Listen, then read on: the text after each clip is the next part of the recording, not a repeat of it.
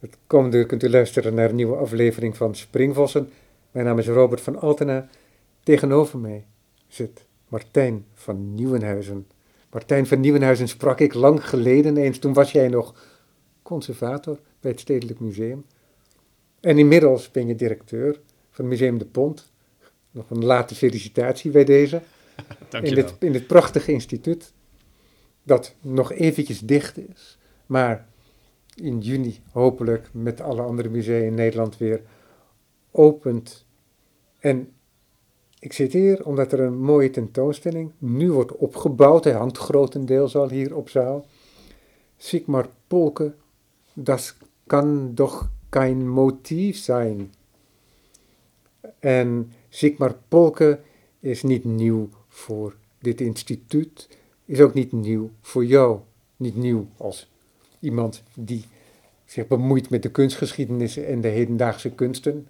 De man is inmiddels al ruim tien jaar dood, maar jij hebt hem nog gekend. Je hebt hem ook nog gekend omdat ten tijde van het directeurschap van Wim Beren ook een tentoonstelling hebt meegemaakt die gemaakt werd in het stedelijk. Ik weet de titel nu eventjes niet, die heb ik even Nou. niet paraat. Dit, dit was wel grappig, want die tentoonstelling die heette eigenlijk Alleen Kunst.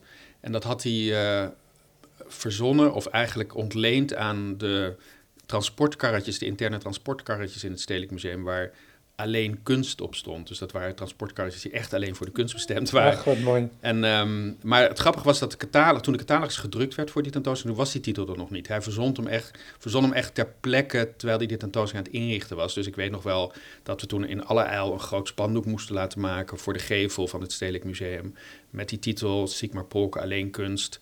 Maar de hele catalogus heeft die titel nooit Nee, gedragen. want op de omslag staat ook geen titel. Nee, er staat geen titel, er staat alleen Sigmar Polke. Het was ook een overzichtstentoonstelling, echt een prachtige overzichtstentoonstelling. met Mooie catalogus over. hele mooie catalogus, ja. Mooie teksten. Ja, ja, was Peter goed. Sloterdijk ook. Oh ja, die een, het die, Ja, een wat, niet eens meer. Ja. die een wat romantisch interpreterende tekst heeft. Nou ja, Sloterdijk. Ja, Een het tekst van- Duitse taalgebied. Tekst van Wim Beren. Wim, ook, had, ook Ook. altijd redelijk metafysisch.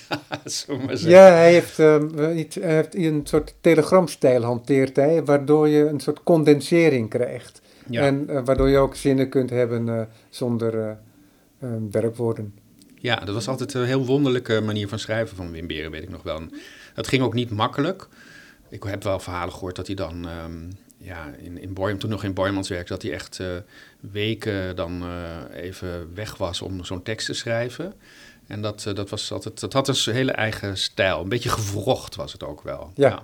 Ja. maar het is wel heel oprecht. En het is echt een echte confrontatie met zijn ideeën over de kunst en de kunstenaar. Ja, ja. En het is niet een eh, marketingpraatje, wat ik ook wel tegen kan komen, misschien juist heden ten dagen in catalogie. Ja, Nee, dat ik, klopt. ik mag dat zeggen. Jij mag dat zeggen. Maar het was, ehm, het was een fantastische tentoonstelling. En inderdaad, wat je zegt, voor mij was het eh, de eerste keer dat ik Polke ontmoette. En eh, dat was meteen een soort, met het werk erbij natuurlijk. Want het, het tentoonstelling gaf een fantastisch overzicht over, over dat hele oeuvre... wat van begin jaren 60 tot eh, in de jaren 90 toen eh, zich ehm, ontvouwde. Ja, want Polke is dan ongeveer 50 jaar, denk ik. Hè? Ik dacht Ja, dat hij uit zoiets, denk 41 ik. was. Ja, zoiets. Ja, Ja, 41. ja. Hij heeft een broer uit 31, een broer uit 1932 heb ik gezien. Oh goed, je hebt je onderzoek goed gedaan. Je weet meer dan ik. een theoloog. En hij was zelf eh, een oorlogskindje. Ja, klopt. Ja. Hij was ook gevlucht met zijn ouders eh, naar Polen ehm, na de oorlog, of toen de Tweede Wereldoorlog meteen eh, afliep en de Russen in aantocht waren, zeg maar. Toen zijn ze met het gezin naar ehm, Polen gevlucht en vervolgens, ik geloof dat hij daar, nee, daar is hij volgens mij ook geboren, inderdaad. Hoe zit dat nou? Ach, nou, nou, dit is weer... ehm, Ja, dat heb ik niet paraat dan. Daar heb ik Nee, niet naar gekeken. maar goed, eh, in ieder geval, ehm, op een gegeven moment is hij naar Oost-Duitsland. Is een tweede verhuizing geweest naar Oost-Duitsland en vervolgens naar West, eh, West-Duitsland. ja. ja. Ja, Die andere broer, die geen theoloog is, die eh, was overigens beeldhouwer. Oh ja? Ja. Ja, wat grappig, daar weet ik helemaal niks van. Ik heb het Hmm. werk, ken ik niet overigens. Nee, nee. Ja. Maar, Maar- je, maar je kwam de man dus tegen. Ik kwam hem tegen en ik, het klikte ook wel. Want ehm, ik denk dat we een soort ehm, vergelijkbaar gevoel voor humor hadden. We- ik, ik kon ontzettend met hem lachen meteen. Ik was niet de curator, niet het maker van die tentoonstelling. Ehm, dat was Wim Beren inderdaad. En ik geloof Frits Keers was er toen bij betrokken, de conservator. En ook Doreen Mignot enigszins. Uh, maar ik uh, was uit, of uitgever of redacteur van het Stedelijk Museum Bulletin op dat moment. En nou ja, moest ook een artikel over hem komen in dat bulletin, et cetera, et cetera. En ik klikte goed met hem, we hadden veel lol. En Helle van der Meij was er ook bij, dat was zijn agent op dat moment. En ik kende Helle al uit de tijd dat ze in Amsterdam een galerie had. was een galeriehouder in Amsterdam die later naar Londen is verhuisd. En toen ook agent van Polken is geweest. Die bereidde al die tentoonstellingen voor. En dan kwam hij en dan ging ze verder inrichten, et cetera, met conservatoren. Maar dat was ook een soort centrale figuur in dat hele polkenmilieu. En uh, dus ik maakte met het polkenmilieu kennis. En toen ben ik ook later nog uh, ja, met die mensen meegereisd naar tentoonstellingen. En hebben we daar uh, een beetje ja, rondom de openingen van die tentoonstellingen met elkaar tijd doorgebracht. En ehm, gedronken, gegeten en, en plezier gemaakt. En dus zo gaat dat eigenlijk bij tentoonstellingen. Ja, maar jij zegt nu polkenmilieu. Ehm, zeg je dat omdat dat specifiek eigen was aan Polken? Of is dat gewoon omdat een kunstenaar met enige bekendheid, kunstenaar van naam, sowieso wel een heel gevolg heeft? Ja, vaak heb je inderdaad wel een groep mensen rondom een kunstenaar. Dat kan een galeriehouder zijn, dat, dat zijn uh, familieleden, geliefden, vertrouwelingen, vertrouwelingen uh, inderdaad assistenten. Um, daar waar je elke keer bij de, elke verschillende gelegenheid uh, waar je daar weer andere mensen aan. Uh, zeker als iemand een internationale carrière heeft, dan komen mensen uit alle windstreken naar zo'n tentoonstelling. En die zijn er dan soms ook al de dagen daarvoor, omdat ze dan die tentoonstelling in alle rust willen bekijken of nog eens wat willen doorspreken met de kunstenaar en dan de tijd daarvoor hebben. Dus dat zijn wel redelijk algemene verschijnselen rondom uh, ja, internationale beroemde kunstenaars, dat die toch een soort gevolg om zich heen hebben op zo'n moment. En ja, ik was dan vanuit het stedelijk. Um, ja, had ik een goede klik met hem. Dus uh, toen werd ik ook uitgenodigd om uh, nou ja, naar zo'n opening te komen. En een paar dagen daarvoor een beetje door te brengen met het gezelschap. En daar heb ik ook foto's van hem gemaakt. Ik fotografeer vaak kunstenaars. En ja, dat deed ik bij dat soort gelegenheden ook. Ja. Gelegenheden ook. Dus ja, dat was, maar dat was een goede klik. En ja, dat is maar een paar keer zo geweest. En later ja, verwaterde dat weer een beetje. kwam ik me nog wel eens tegen in Keulen voor een, de etalage van een boekhandel. En dan hadden we een praatje. En via Helle van der Meij hoorde ik ook altijd nog veel. Hè. Dus die was zijn agent. Op een gegeven moment is hij ook ermee opgehouden. En um, nou ja, op een gegeven moment hoor je dan dat hij is overleden. En dat is natuurlijk dan, uh, dan is het wel een soort afsluiting van dat je denkt van wauw, een hele belangrijke kunstenaar is dood gegaan. En uh, die heb ik nog meegemaakt. En ja. wat, wat mooi is het dat ik die nog heb leren kennen eigenlijk. En dat werk van Polk is ook altijd wel bij me gebleven. Ik heb altijd daar een liefde voor gehad. En ik heb dat altijd weer als je in de museumwereld werkt, in de kunstwereld werkt, dan heb je natuurlijk een grote bibliotheek uh, meestal over kunst. En er zijn altijd bepaalde figuren van wie je meer boeken hebt. En uh, Polk is echt zo'n kunstenaar van wie je graag veel boeken in de kast hebt staan. En er zijn er een stuk of tien, zeg maar, in je boekenkast van kunstenaars die voor jou in jouw levensloop uh, in de kunst uh, centrale figuren zijn en zijn geweest. En dat is dan Polker voor mij zeker ook. Je hebt hier ook een paar van die prachtige boeken hier op tafel uh, Ja, klopt. Dit is inderdaad, deze catalogus over de edities is echt mijn privé-exemplaar. Ja, dat zag ik inderdaad ja. toen ik hem net opensloeg. Ja. En wat ook interessant is, is dat is de catalogue raisonné van het editiewerk. Tot, tot 2000. En tot 2000, dus de laatste, nog... de laatste tien jaar ontbreken nog. Ja, klopt. Ja. En als ik daarin blader, kom ik ook heel veel tegen van wat hier nu in de pont op de zaal hangt. Ja. Nog niet te zien is, maar heel binnenkort. Binnenkort dus. wel, ja. Um, en dat is ook mooi hè, tegelijkertijd, omdat dat zegt ook iets over het werk van hem en over zijn werkwijze. Maar laten we het eerst hebben over wat er hier te zien is. He, die titel, dat kan toch geen motief zijn. En dan staat eronder de complete edities uit de collectie Kunstraum am Limes. Zijn dat Klopt. de Romeinse Limes? De, Ik denk dat die naam daar wel mee te maken heeft, ja. ja, ja, ja. ja. ja. Dus het is een, uh, een particuliere kunstinstelling in uh, Duitsland. En toen ik hier kwam, heb ik meteen gezegd, ik wil in de tijd, de jaren dat ik hier uh, ga doorbrengen, wil ik ook echt aan polken aandacht besteden. Dat is voor mij zo belangrijk. Kunst en hier in het museum is een fantastisch uh, vierluik van polken aanwezig in de collectie. Zeker. Uh, Hermes Trismegistus heet dat werk. En dat gaat over alchemie en over Hermes Trismegistus, die een soort mythische figuur is als beschermheer van, van de alchemie. En dat is een een van de kernwerken uit Polkes uh, oeuvre. En die wordt ook, dat werk wordt ook echt bij alle belangrijke Polken-tentoonstellingen wordt dat aangevraagd als bruikleen. Het is voor het laatst in Venetië in een grote Polkenoverzicht um, te zien geweest. Van wanneer dateert dat werk? Uh, het werk is uh, jaren begin jaren negentig, ja. ja. ja. En um, ja, dat is een werk uh, met het motief. Je ziet ook uh, een, een, motief in een rastervorm. Polken rasterde vaak zijn, uh, zijn afbeeldingen. Dus dat zijn van die drukpunten, van die rasterpunten die in een krantenfoto bijvoorbeeld gebruikt worden. Zodat dat beeld uiteenvalt in kleine puntjes. En dat heeft hij heel vaak als beeldmotief, als een soort netwerk gebruikt om allerlei beelden aan elkaar te smeden. Ja, en dat is een raster dat we allemaal vanuit de kunst kennen, omdat Roy Lichtenstein ja. ook van die uitvergrotingen gebruikte. Maar we kwamen het ook natuurlijk uh, tegen uh, bij uh, de Poolse tovenaar en die Warhol. oh, de Poolse tovenaar noem je die. Ja, nee, dat is ook zo. nou, twee Polen, hè? Warhol en Polken. Dat is toch, um, toch wel interessant.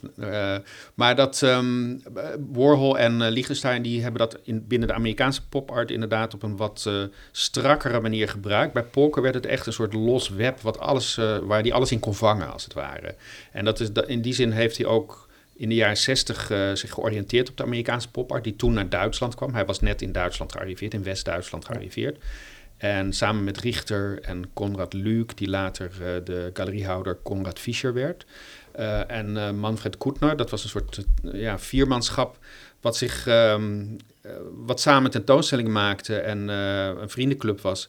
En zeker Polke en Richter, die waren heel erg aan elkaar gewaagd. En die zaten, ja, die waren zelf eigenlijk hun eigen kunststroming een beetje aan het uitvinden met heel veel ironie. En ook in reactie op die Amerikaanse popart uh, hebben ze een, uh, een eigen stroming ontwikkeld, uh, kapitalistisch realisme. En dat was dan ook weer, had ook weer natuurlijk een soort weerklank van het, um, het sociaal realisme uit het oosten, waar ze allebei vandaan kwamen. Het waren twee figuren die vanuit het oosten naar West-Duitsland waren gekomen, en dan toch een beetje als een soort vreemdelingen in die westerse kunstwereld terecht waren gekomen. Daar allerlei dingen zagen gebeuren, zoals die entree van de Amerikaanse kunst naar het abstract expressionisme. Dat ook, dat ook gebruiken. En dan als we dan naar dat raster gaan kijken, ja. dan zien we ook dat bij Polken dat raster motief wordt. Ja. Uh, maar ook beeldelement. Ja. En tegelijkertijd ook uiteindelijk signatuur bijna. Ja, zeker. Ja, ja. Het is echt zijn hele carrière door is het iets ge- geweest wat, wat terug is gekomen en wat Ja. hij gebruikt heeft. Ja. Ja. En ook eens te meer omdat hij dat grafische werk er niet zomaar bij deed, wat bij veel kunstenaars het geval is. Dat het ook leuk is om erbij te doen, maar dat het een centraal deel is uit zijn oeuvre. Zelfs nog dat ook zijn grote werk, zoals de Trismegistus eh, ja. eh, werken hier, die dragen datzelfde raster ook. En die dragen ook dezelfde karakteristieken eh, van drukwerk. Ja, en dat brengt een soort lichtheid met zich mee Ja. in zijn beeldtaal. Dat het anders niet zomaar zou hebben. Het platte wat het biedt aan het beeld, geeft daarmee juist ook een zekere diepte aan, aan dat werk. En ook aan de rijkwijde überhaupt eh, van, eh, ja, van dat beeldelement. Van wat een soort eigenschap is van de, de, mechanische reproductie van beeld. Klopt, ja. Ja, het is, eh, de tentoonstelling hier in de Pont is inderdaad een overzicht van het grafische werk of van het werk in oplagen. En dat kan dan heel verschillende materialen, heel verschillende soort uitdrukkingsvormen zijn. Maar er zit veel drukwerk in. En Polk is altijd heel erg eh, geïnteresseerd geweest in drukwerk. En met name ook in fouten in drukwerk, ehm, in eh, allerlei onvolkomenheden, in eh, allerlei speciale vormen van papier waar, die, waar je op kan drukken. Dus die heeft, dat drukken is ehm, inderdaad een centraal gegeven in zijn hele oeuvre geweest. En heeft hij zich zijn hele leven lang mee bezig gehouden. En neemt dan inderdaad ook een hele eigen plaats in binnen zijn oeuvre. En communiceert ook met het geschilderde werk. Hè. Hij experimenteerde met bepaalde vormen van drukwerk samen met drukkers. En wat, hij dan, wat er dan gebeurde, dat kwam dan ook wel weer terug in zijn schilderijen. En dus dat was het soort communicerende vaten waren het eigenlijk. Weet je waar het vandaan komt? Eh, Ligt dat aan zijn opleiding? Nou, Of- Want, hè, want soms, soms dan heb je toevallig net een drukmeester eh, ja. op de, op de Kunsthochschule en Ja. dat is dan de bepalende factor. Dat is, ik, ik, ik, eh, ik denk dat, eh, dat het toch uit die popart komt. Dat ze dat raster, dat dat inderdaad een soort, ja, toch een heel pregnant eh, idee is geweest. En eh, hij is één jaar lang opgeleid als glasschilder. En dat is ook wel iets wat terugkomt in zijn, zijn werk. Maar heeft niet zoveel met het drukwerk natuurlijk te maken. Uh, voordat hij naar de academie ging in Düsseldorf... is hij een jaar bij een ja, glasschilder in, in de leer geweest... op verzoek van zijn vader. Die vond dat hij een vak moest leren. Nou, glasschilderen, lithografie, ja, dat misschien, zijn dingen die misschien wel bij elkaar iets liggen. zou kunnen. Maar ja. als je wilt. Hè. Als je wilt, Als je, je kan het wilt- erin bent- lezen. Ja, Precies. ja. Maar dat, ehm, ik denk dat het eigenlijk toch wel die interesse met dat rasser en met dat hij op die manier op drukken, drukken is uitgekomen. Met drukkers in aanraking is gekomen. Hij heeft met een aantal drukkers en uitgeverijen gewerkt. eh, wat betreft die uh, werken in oplagen door zijn hele leven heen. Een stuk of drie. En ehm, dat zie je ook wel terug in. Er zijn een aantal ja, fases wel uh, aan te wijzen, ook wat dat betreft in de tentoonstelling. En een van zijn laatste drukkers is uh, Mike Karstens. En uh, met hem heeft hij echt, echt hele specifieke, gekke papiersoorten gebruikt, gekke inkten. Um, nou, Polke was echt par excellence, was, par exemple was hij een, um, een experimentator. Hij was een, iemand die echt experimenteerde met, met verfsoorten, inderdaad met dragers van, in zijn schilderijen. Laatst begon hij met transparante dragers, waardoor je ook het spiraam doorheen zag schijnen. Uh, hij heeft op glas uh, met roet geschilderd in het Stedelijk Museum. In die tentoonstelling toen een oude roesbeelder te zien. Die heeft hij in het fietsenhok van het Stedelijk Museum op zijn rug gemaakt. Dus uh, liggend onder het glas met een oud olielampje heeft hij die glasplaten beschilderd. Hele lange, verticale, smalle glasplaten, vier op een rij. Uh, die in een soort frames uiteindelijk uh, op zaal kwamen te hangen. En die ook heel kwetsbaar waren. Als je het aanraakte, zat er een vinger op en was het weg. Maar dat was dus, um, ja, dat was zijn interesse. Hij, hij probeerde dus hij eigenlijk... Maakte, dus, maar dat kom je toch niet vaak tegen meer, toch? Dat een kunstenaar voor een groot museum, binnen de muren van het museum, het fietsenhok hoort er ook bij, ja, ja. Zo'n een nieuw werk maakt. Ja, maar dat vind ik altijd wel um, een, een, signatuur van het stedelijk geweest hoor. Dat, dat, kijk, het stedelijk is een grote organisatie, uh, heeft uh, bureaucratische kanten, maar heeft ook een hele flexibele houding tegenover kunst en kunstenaars. En dat is bij de Pont ook zo. Wij zijn echt wat je noemt een artist-driven museum, een kunstenaarsgericht museum. Ja, jullie hebben ook inderdaad wel gewoon echt lange relaties met kunstenaars. Ja, we proberen opgevallen. precies door de jaren heen uh, de contacten met de kunstenaars te onderhouden. En als er een nieuwe fase aanbreekt in hun werk, proberen we dat ook te laten zien in de tentoonstelling en ook in de collectie door middel van aankopen. Dat is echt een signatuur van de pont. Maar binnen het stedelijk kan je dat ook uh, traceren. En dat heeft eigenlijk ook een beetje te maken, denk ik, met hoe Edi de Wilde uh, vanaf 63 tot 85 uh, zijn directoraat heeft ingevuld. Die heeft altijd... Ja, prachtige, die langzittende directeuren. Langzittende directeuren, 20 jaar, heel goed. Ja. Tenminste, meestal heel goed. en um, bij Eddie de Wilde, die heeft altijd gezocht naar ensembles en, en, en naar die lange relaties met kunstenaars. Hè, zoals hij met de Koning of met Barnett Newman, uh, met uh, Dubuffet... Uh, nou, ook Bruce Nauman uh, hoort daar toch wel bij. Uh, zoals hij echt heeft blijven doorverzamelen rond bepaalde kunstenaars. En daardoor ontstaat, ontstaan ook collecties met een echt gezicht. Hè? En ja, dat, en dat, dat, ja, en dan is het niet zo'n encyclopedische collectie die van alle kunstenaars één dingetje heeft. maar dan zijn het echt keuzes voor bepaalde praktijken, voor bepaalde standpunten binnen de kunst. En ja, mij heeft het altijd heel erg aangesproken. Ik heb ook zelf nog als student met Edi de Wilde gewerkt als assistent. Dus oh, ik heb, ja, ik heb dat nog. Uh, ja, ik heb Karel Appel tentoonstelling samen met hem gemaakt in Japan als student. En uh, nou, dat was natuurlijk een. Voor mij was het wel een soort epifanie hoor. Van een zo grote tentoonstelling inrichten in Osaka en zien dat het lukt. Dat was voor mij wel het, het moment van inzicht van ja, dit is wel wat ik wil eigenlijk. En ja, en, ja, en het praten met hem, dat, dat brengt onwillekeurig ook een soort ja, idee aan van ja, hoe je naar een collectie kan kijken. Hij was echt een collectioneur. En dat, um, ja, dat merk je ook dat mijn voorganger hier, uh, Hendrik Driessen, die ook een, ja, eigenlijk een soort um, uit de school van de wilde komt, die in het Stedelijk Museum ook met de wilde heeft gewerkt. Die heeft dat hier ook weer. En de Wilde heeft hier trouwens ook als um, bestuurslid aan het begin in, in het bestuur gezeten. Dus dat hele idee van je moet kunstenaars volgen, je moet ensembles maken dat is wel heel erg um, ja, centraal in, in hoe wij hier werken. En dat was ook wel een van de redenen waarom ik... Hè, het is een heel mooi vierluik van Sigmar Polk hier in de collectie. Uh, maar dat is wel een, een, het is een heel krachtig werk. Het is ook heel centraal. We laten het eigenlijk continu zien. Het is altijd op zaal. Maar het is het enige werk wat er is van Polken. Dus toen ik hier kwam, dacht ik ook wel... Dat is van, gek, hè? Dat, dat het, is heel raar. Dat, maar het, dat het zulk monumentaal uh, werk is. En uh, dat het in zijn eentje, hè, als vier eenheid, als groep, ja. als groep dat oeuvre representeert, als het ware. Ja, maar dat, daardoor, het is ook een hele goede keuze geweest om dit werk, want het, het, het, het heeft ook alles in zich van wat een polken is. Omdat je er van alles aan kunt ophangen. Inhoudelijk, uh, maar ook hè, omdat over de alchemie polken was natuurlijk ook een soort van alchemist in de overdrachtelijke zin, in, in de zin van dat hij alsmaar bleef experimenteren en naar nieuwe wegen zocht. en alchemisten waren natuurlijk uh, bezig van lood, goud te maken. En werd op een gegeven moment werd het opeens porselein. Hè, ik noem maar wat. Um, dus uh, die houding als, als continue onderzoeker naar wat er nog meer mogelijk is binnen het terrein van de schilderkunst, dat is helemaal wat Polken is. En het motief van die alchemisten op deze groep werken, maar ook de manier waarop ze zijn gemaakt. Met al die verschillende lagen, transparante dragers. Um, uh, werken die uh, op zijn kop zijn uh, gezet en weer beschilderd. En ja, het is een vol, volwaardige, volwassen, hele rijke polken. En in die zin staat het als een pars pro toto voor zijn oeuvre inderdaad. Ja, ja want wat is dat? Hè? Want zo'n, wat, wat is een polken? Want omdat je zegt dat het is een volwaardige polken. En daar kan je eigenlijk geen antwoord op geven, omdat het juist zo veelzijdig is. Dat geldt voor elke kunstenaar. Het vloeit alle kanten op, ja. Dat geldt voor elke kunstenaar, denk ik. Maar er zijn wel wat dingen die eigen aan hem zijn omdat dat deel bleef uitmaken van zijn werk, of delen is gaan uitmaken van zijn werk en dat hij daarbij bleef.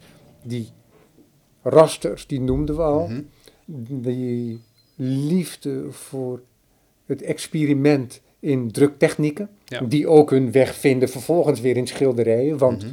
deze vier schilderijen die hebben ook sporen van druktechnieken in de zin dat er impressies zijn in lak. Het had met elkaar te maken. Het is niet zo dat hij schilderde en drukwerk maakte.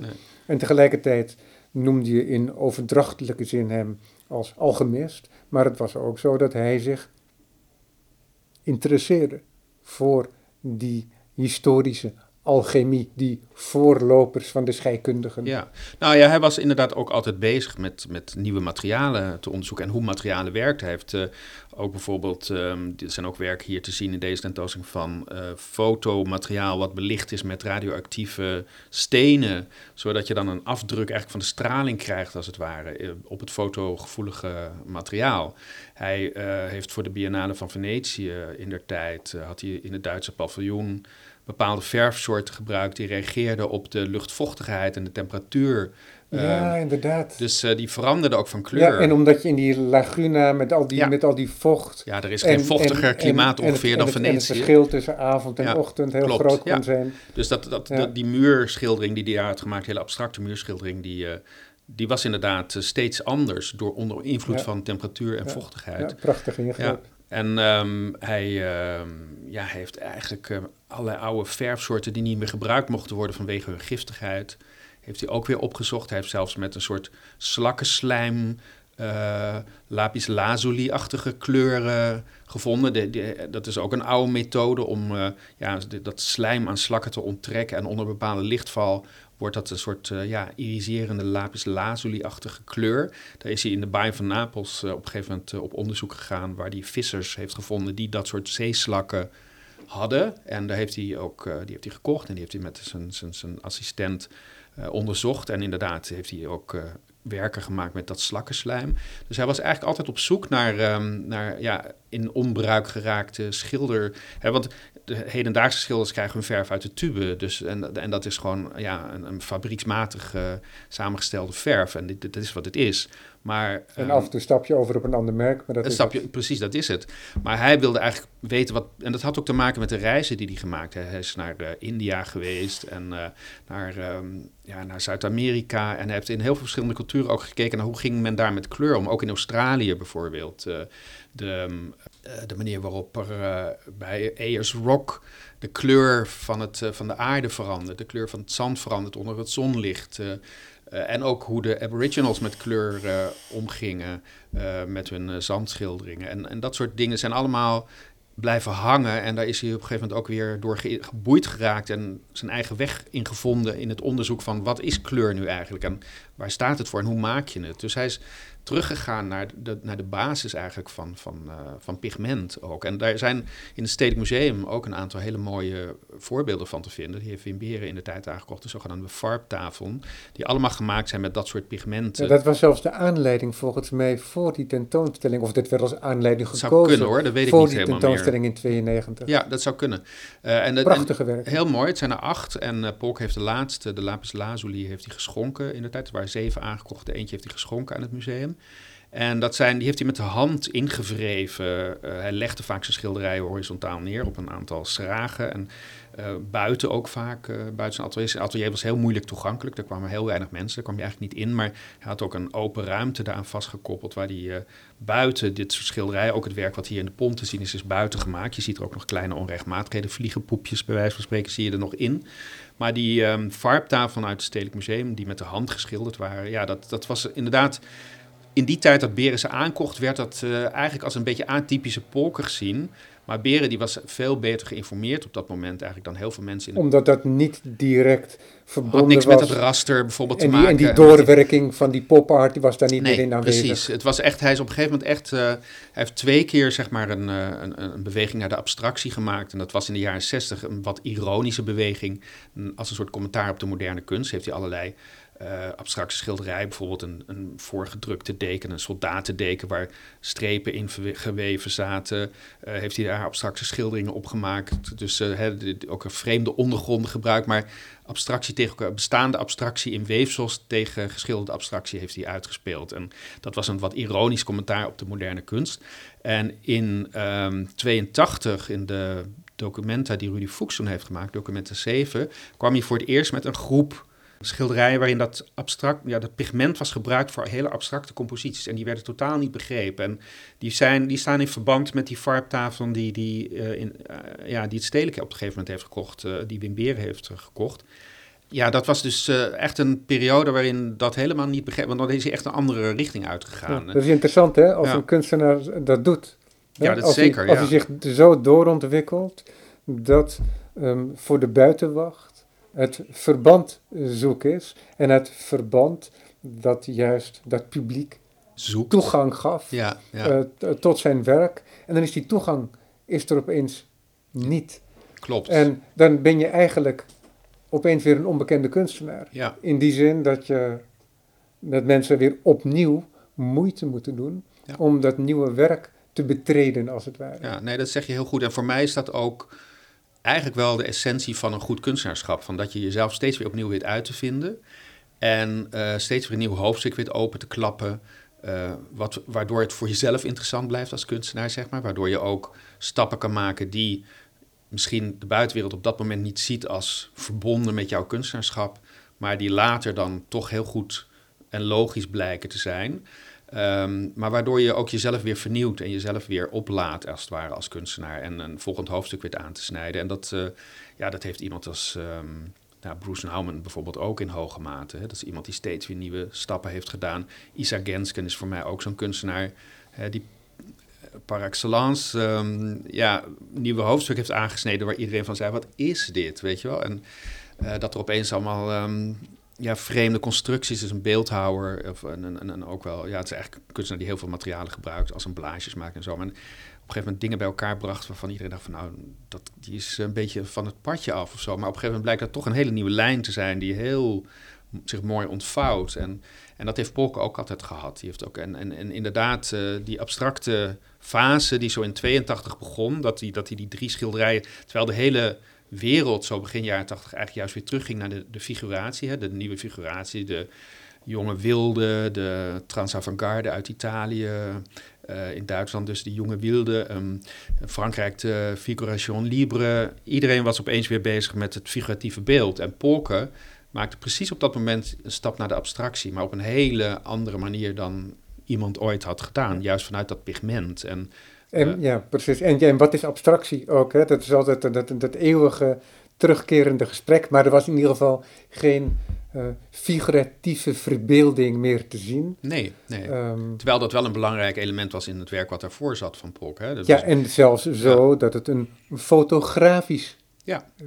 foto, letterlijk fotografische verbeelding was ook. Ja, ja, en fotografie is zeker een heel belangrijk uh, aspect van zijn werk ook. En, en daar, Ja. daar zit hetzelfde als met dat drukwerk. Hè. Nou, fotografie zit natuurlijk in drukwerk ook, maar ook eh, echt eh, letterlijk eh, foto afdrukken. En ook het werken met ehm, eh, chemische baden, met foto's van wat gebeurt er als je bepaalde chemicaliën in het ontwikkelbad gooit. wat voor beeld komt er dan uit? Dat, al dat soort experimenten heeft hij gedaan. Eh, en vervolgens ook weer terugvertaald naar zijn schilderij. Hè. Er is echt een enorme dynamiek tussen alles wat hij heeft gedaan. Dus al die verschillende terreinen hebben met elkaar te maken. Maar, maar ook dat samenbrengen, zonder ze te verenigen, maar wel samen te brengen eh, binnen een doek van eh, schilderkunst en fotografie en de drukkunst. Ja. En die laat die vaak, vind ik juist heel opvallend, over elkaar heen liggen, maar zonder dat ze hun eigenheid verliezen. Dus hij laat voortdurend zien wat het ook is. Waar het vandaan komt. Ja, ook. precies. Ja, Ja. ja. klopt. Ja, Ja. En dus in, in die beelden, die vattafelen, eh, was dat opeens niet meer het geval. Nee, klopt. Het was echt een andere, andere richting die die uitging. En is lange tijd, ik weet het nog heel goed ook, van dat mensen heel, ehm, heel erg kritisch daarover waren. En heel erg zoiets hadden van, nou ja, dit, dit gaat de verkeerde kant op. en, ehm, en, en dat later, nou ja, dat allemaal weer bij elkaar komt en heel logisch wordt eh, van wat hij daar heeft gedaan toen. Maar dat had hij nodig. En, eh, nou ja, en dat is natuurlijk ook heel gedurfd, omdat je als kunstenaar die, die toen al echt een grote reputatie had, dan durft om een andere stap te nemen die gewoon weggaat van, van ja, het beeld wat mensen van je hebben en waar je markt misschien ook ligt en waar je, wat je heel goed zou kunnen uitnutten om een comfortabel leven te leiden door je schilderijen te Ja. verkopen die mensen met een aanpak die mensen kennen, dan alles weer op zijn kop te zetten en eh, ja, iets te doen wat mensen niet snappen. Heeft Polke zich daar destijds over uitgesproken in, eh, Nou, in het nee, stedelijk? Ja, dat, dat kan ik echt niet. Nee, ik denk dat. eh, voor mij was het ook nog zelf ook nog iets waar je echt eh, inzicht in moest ontwikkelen op dat moment. Ja. Weet je? Van, het was, het was een, een, een overzichtstentoonstelling, dus het was echt van het vroegste werk tot het meest actuele werk. Maar het was ook wel echt iets wat gaande was. Het was ook niet zo uitgekristalliseerd nog op dat moment. Dus het was nog echt heel erg gaande.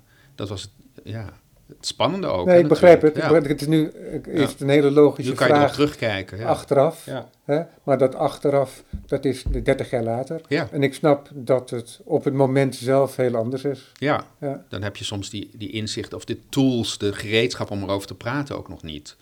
En ik kan me ook niet herinneren hoor dat we daarover gehad hebben. Dat, eh, nee.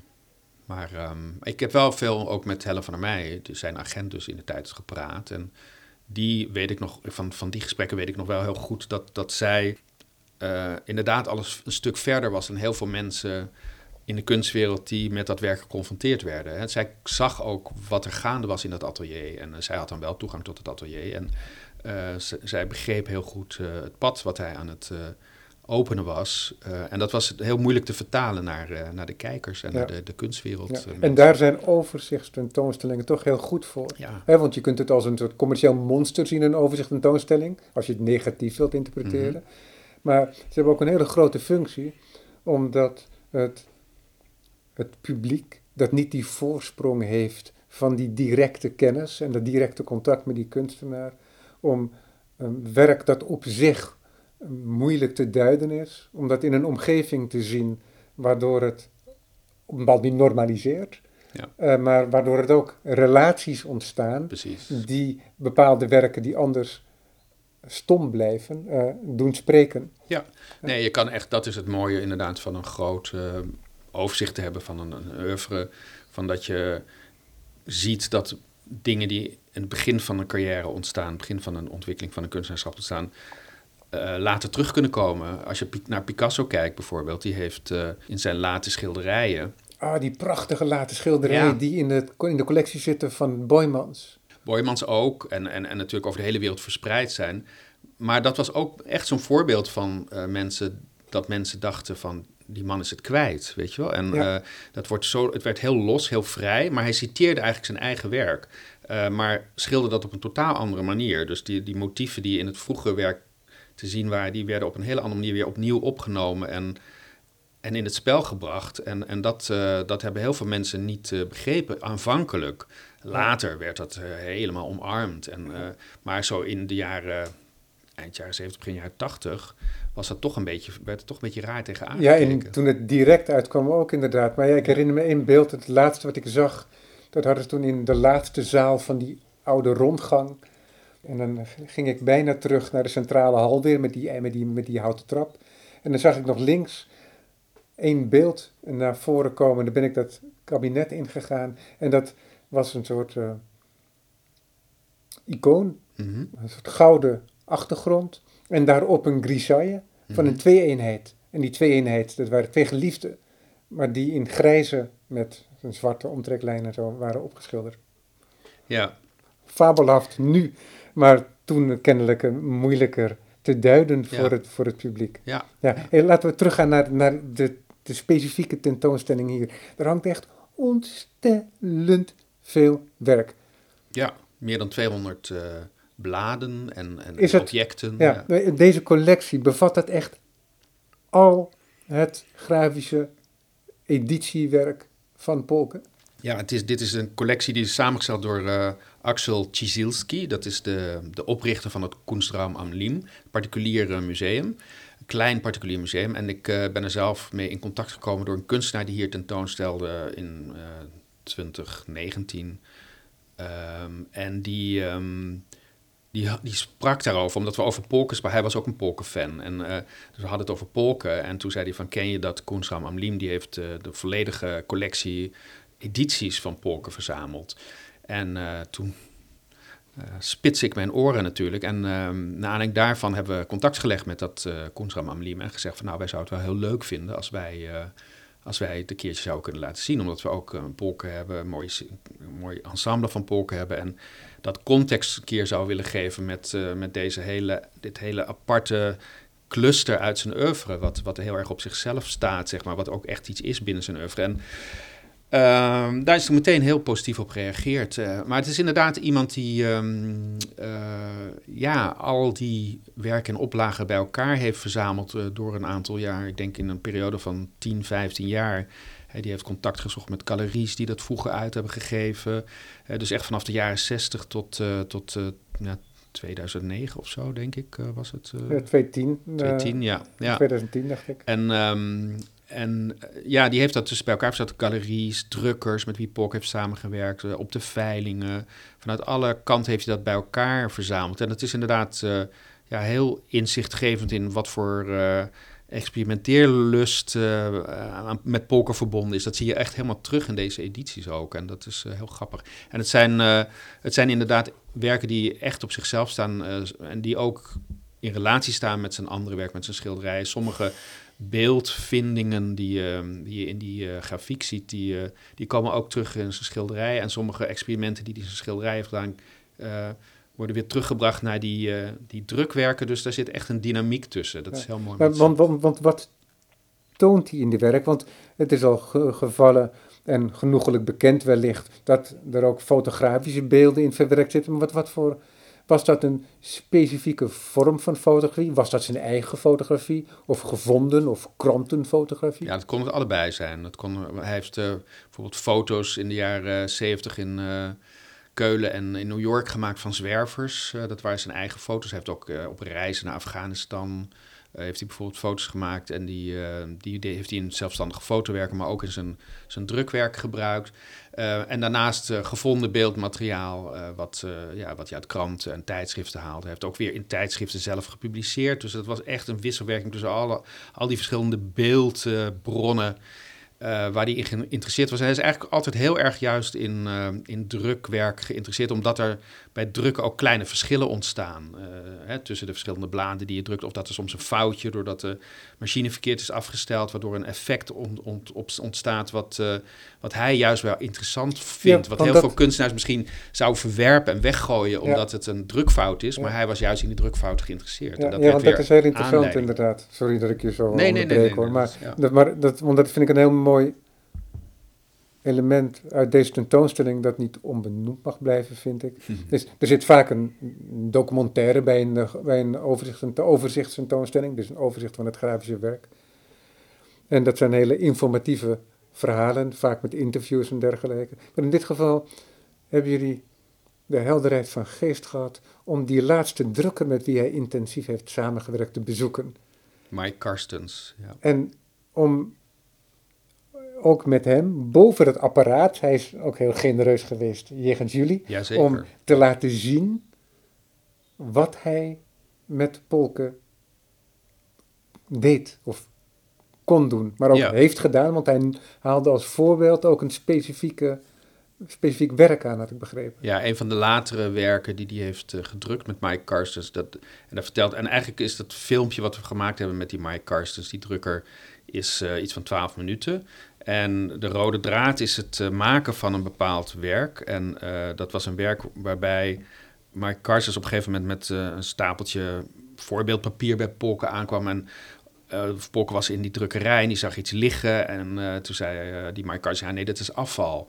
Dat is papier van een andere kunstenaar en dat, dat gaan we weggooien. En zei Polken, nee, daar ben ik juist in Of van een geïnteresseerd. andere kunstenaar. Ja, hij heeft soms ook heeft zelfs ondergronden van andere kunstenaars gebruikt. Ah, ja, want, toen ik, ja. want ik heb niet de hele film gezien, maar een fragment. En toen interpreteerde ik het als verkeerde drukken van het werk van Polken. Maar het, het Nee, nee, nee, nee, nee, Ja, soms heeft hij zelfs heeft ook werken met een soort eh, ja, glimmende metaalachtige vormen erin die, die door een andere kunstenaar ontwikkeld zijn en die in dat atelier van die Mark Karstens lagen. En die heeft hij weer gebruikt als ondergrond. brutaal, voor-. Ja, heel brutaal, ja. ja maar dat was, dat was Polken echt. Hè. Dat, was gewoon als hij iets zag en hij zag daar een eh, mogelijkheid in tot, eh, tot het maken van een heel specifiek soort beeld, dan ging hij er helemaal voor.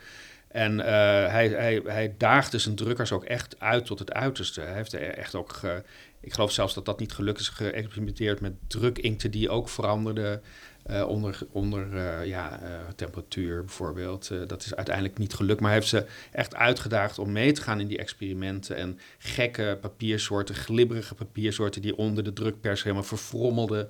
En er zijn natuurlijk heel veel drukken geweest die weg zijn gegooid. Ook omdat het experiment nog niet zo ver was dat het echt, nou ja, daar was waar Polk het wilde zien.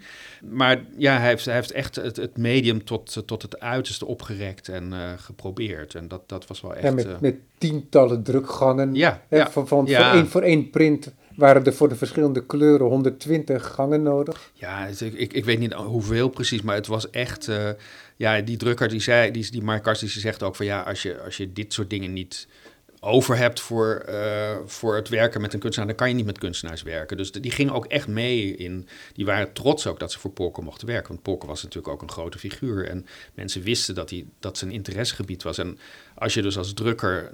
Toen dat, ja, hij heeft iets met, denk ik, drie of vier drukkers echt gewerkt. En die Mark Karstens was dan de laatste daarvan. Eh, maar als je dan als uitverkoren werd om met Polken te gaan werken, dan was het wel een speciale positie ook. Dus, eh, dus hij, was, ehm, hij was er ook heel trots op. Die, en hij vond het ook heel leuk om dat voor onze film weer opnieuw te laten zien. Dus hij heeft zo'n heel druk proces heeft hij, eh, voor ons eh, opnieuw opgezet op zijn, zijn zeefdrukkermachine. Dus, Ook mooi om te zien, denk ik. Heel mooi om te zien, ja, ja precies. Ja. En het ging dan om papier wat een soort...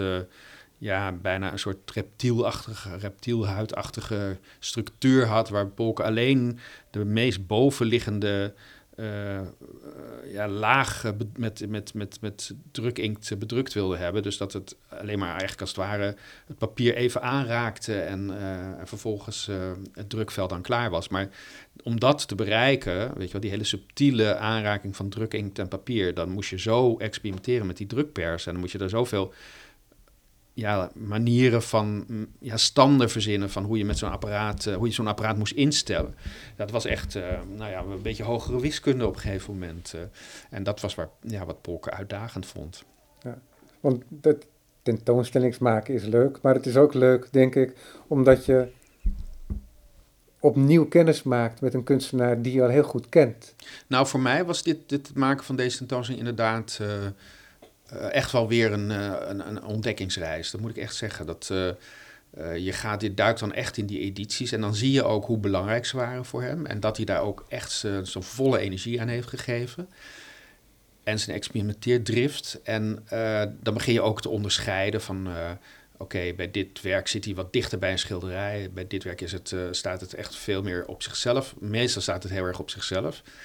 En je ziet eigenlijk zijn hele oeuvre ook terugkomen in, in die edities. Het is echt een, soort mini-retrospectief van Polken, om het zo maar te zeggen. Dus ehm, ja, het is van een enorme rijkdom die, ehm, ja, die fascinerend is. En die, die, die inderdaad dat gevoel van wat, wie Polken was en hoe, hij in de kunst, hoe hij in de kunst stond, volledig belichaamt.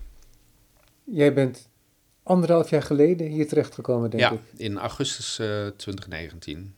ja, want ik wil het ook nog eventjes met jou hebben over, over ja, jouw komst hier. Want ja. je bent natuurlijk hier terechtgekomen en vervolgens ontstond die pandemie. Um, dat heeft jou misschien wel de tijd gegeven om hier thuis te voelen en ook om de collectie um, nader te bekijken.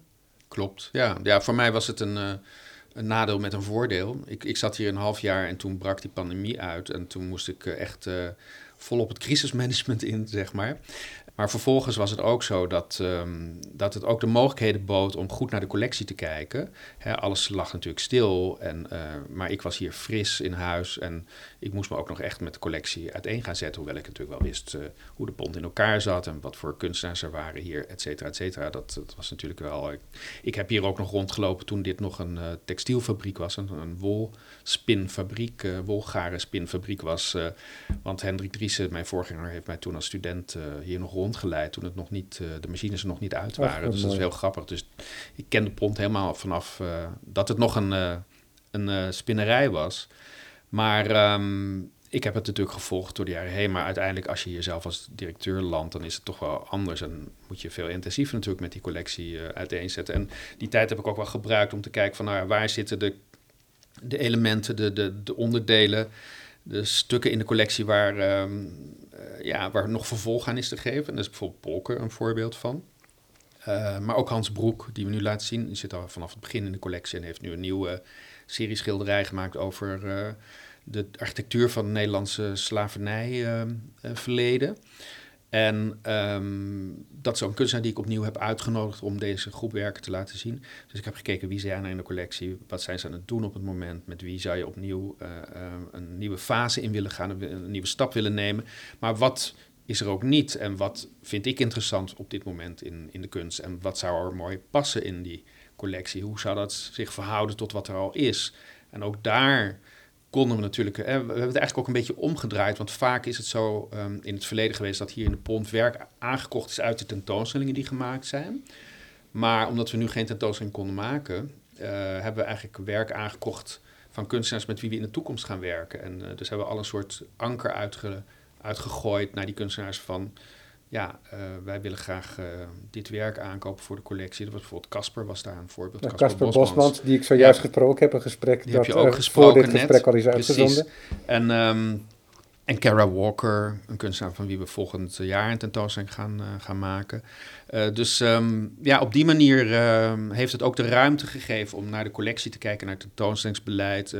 en en met, met Maria Schnieder, onze conservator te sparren van, van wat zou zinvol zijn voor de komende jaren. En, uh, dus, uh, en als je dan in een uh, ja, volledige modus van tentoonstellingen maken zit in de normale tijden, buiten de pandemie, dan heb je daar minder tijd voor en moet je dat er meer tussendoor doen als het ware. Maar nu heb ik wel echt goed de diepte in kunnen gaan om, om eens te kijken van nou, hoe willen we de komende jaren de lijnen gaan uitzetten. En dat was ook weer heel fijn om te doen eigenlijk. Maar alles bij elkaar wil je natuurlijk wel liever publiek in het museum zien. En uh, dat is wel iets wat we heel erg gemist hebben het afgelopen half jaar met name.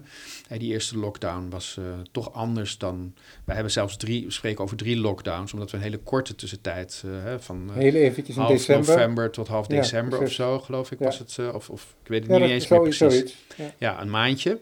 En toen kwam de derde hele lange lockdown, waar we nu nog steeds niet uit zijn. Of waar we dan hopelijk 9 juni uit gaan komen. Uh, en, en dat is uh, ja, toch wel veel harder doorbijt geweest voor iedereen uh, in het museum en in de hele kunstwereld ook. Het was wel echt een zure appel waar we doorheen moesten met z'n allen. Maar goed, ook die tijd hebben we gebruikt om um, zes mooie tentoonstellingen op een rij te zetten... die we dan kunnen openen met z'n ja, met zessen. En dat is dan ook bijvoorbeeld Hans Broek, die al een maandje open was... maar daarna niet meer te zien is geweest. Die hebben we gewoon doorgetrokken tot nu. En die is de hele zomer ook nog te zien. Dus ja, zo probeer je een beetje te spelen binnen de, de marges van zo'n crisis met uh, wat zo'n instituut kan en, en wat zinvol is om te doen op dit moment. En wat het publiek ook, denk ik, zal voeden uh, op een uh, ja, goede manier. Het publiek weer terug kan brengen naar de kunst. Deze polkententoonstelling, die heb jij geïnitieerd? Ja, ja. Maar dat betekent dat de lijnen vrij kort zijn. Ja, ja wij kunnen hier heel snel acteren, we kunnen heel snel uh, handelen. Wij zijn hier met maar um, eigenlijk één directeur, hoofdconservator, één conservator. Dus twee mensen zijn dat en een uh, uh, ja, publiciteitsmedewerker, een educator, allemaal halftime en een uh, collectiebeheerder. En, um, en dat is een heel klein teampje, maar iedereen doet alles als het ware. Dus er zijn niet zo van die eilandjes, dus je kan heel snel schakelen. En, en dit is ook inderdaad uh, afgesproken met die Koensraam Amlim en kon heel snel geregeld worden. Die hebben... Wat mooi is dat. Ja, dat is heel dat fijn. Dat vervult mij met blijdschap. Ja, dat, is, uh, nou, dat, is weer, dat geeft veel energie inderdaad. Ja. En, en dat betekent ook dat je snel, dat je wendbaar bent en flexibel. En, uh, ja, dat, uh, en ook met Casper Bosmans, de kunstenaar met wie Ik vind het een mooie combinatie trouwens, om het werk van Casper tegelijk te zien met dat grafische werk van Polken. Het heeft een soort lichtheid allebei, hè? een speelsheid. Uh, ja, dat vond, ik, dat vond ik zelf ook. Toen het, en dat is grappig, dat zie je eigenlijk pas als het er is. Ja, maar ook dat die, er zit een historisch spel ook in uh, met uh, dat naar voren brengen van de mythische opperalchemist. hè, Hermes Trismegistus. Mm -hmm. hè, dat is ook een, een historisch spel. Ja. En een spel uh, want fotografie, dat is het hedendaagse wat ja. verbeeld kan worden. Mhm. Maar ook op het moment dat Polk het al gebruikte, zat er ook al een, een, een soort historisering in. Ja. En daar maakte hij gebruik van in zijn taal.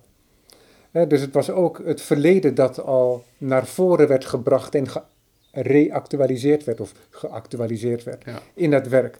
En dat spel, dat speelt Casper Bosmans ook. Klopt, uh, met ja. zo'n met zo'n actualisering van gegevens uit het verleden of iets wat hij ook gewoon meeneemt en tot uh, onderdeel maakt van zijn eigen taal, eigen beeldtaal. En dat doet, uh, dat doet Polke ook. Ja. En dus in die zin, ook al maken ze een heel ander beeld en werken ze op een heel andere manier, komt, het wel, uh, komt er wel iets samen daar. Ja. En dat nou, leuk vond ik dat mooi. je dat ziet. Ja, leuk dat je dat En dan ziet. is het ook mooi dat juist die muur waar de bronzen van Casper Bosmans opgehangen zijn, ja, die zit eigenlijk rug aan rug met het werk van Polken. En ja, zo'n brons, dat is toch uh, verbonden, hè, dat is zo'n gietsel met Het die, alge- met die ja. alchemistische traditie. Ja, precies. De oven van de alchemist. Maar ehm, nee, maar leuk dat je dat zegt inderdaad. En het is ook eigenlijk iets wat redelijk intuïtief ontstaat.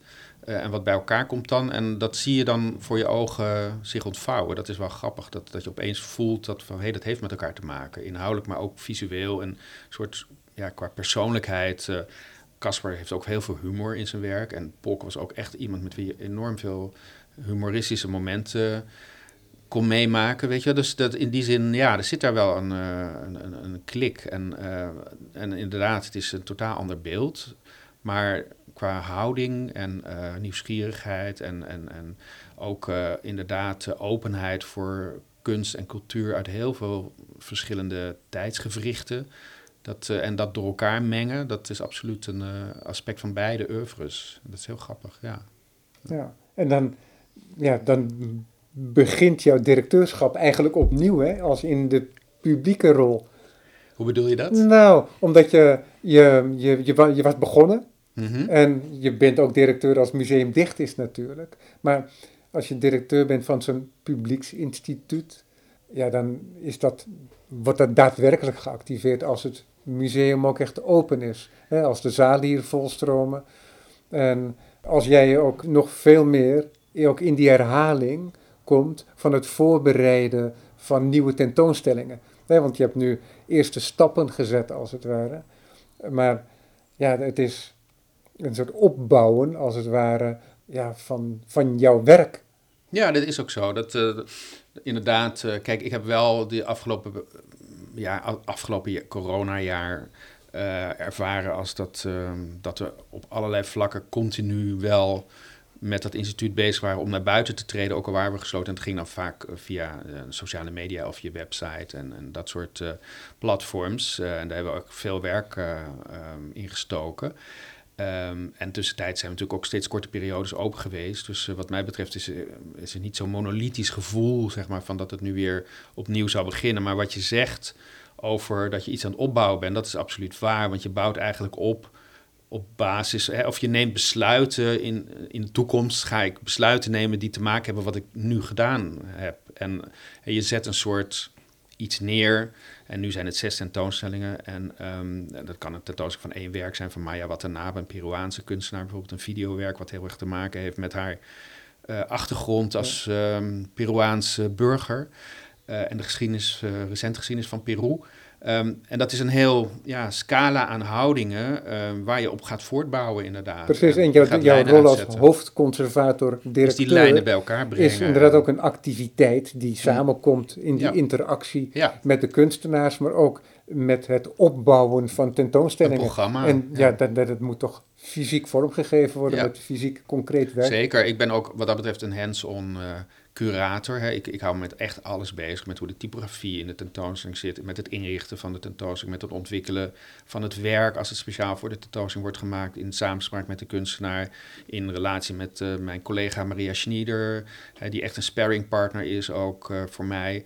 En um, dat is een heel complex aan dingen. En en je bent echt bezig ook met ja, het uitzetten van lijnen die een weefsel als het ware voor de toekomst ook. Van, hè, dit zijn e componenten van een weefsel wat zich gaat verdiepen en verdichten en, en weer open wordt getrokken in de toekomst. En uh, ja, zo maak je een, uh, een programma. Martijn van Nieuwenhuizen, dankjewel voor dit gesprek. Sigmar Polke, dat kan toch geen motief zijn. Het hangt nu al, maar in juni ook voor het publiek te zien in Museum de Pont. Dankjewel. Graag gedaan. Van harte welkom iedereen natuurlijk.